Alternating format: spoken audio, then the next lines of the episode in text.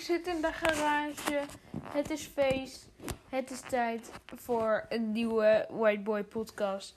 Ik had gisteren een pauze genomen. Omdat ik natuurlijk anders een burn-out zou krijgen. Dat zou niemand willen. Laten we beginnen. Vandaag wil ik het hebben over koelkasten.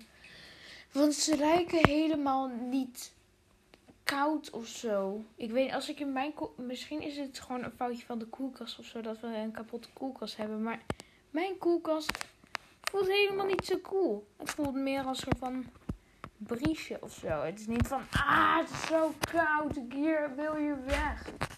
Weet je wel? Ja.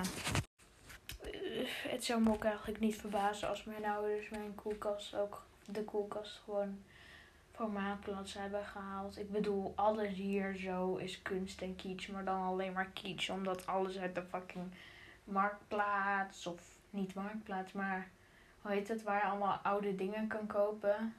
You know what I mean. Gewoon dat is een stoffig winkeltje. Ja, alles is hier zo. Of Ikea. Ikea heeft wel goede, goede balletjes, though. Dus shout-out naar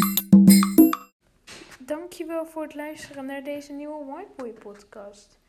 Woehoe.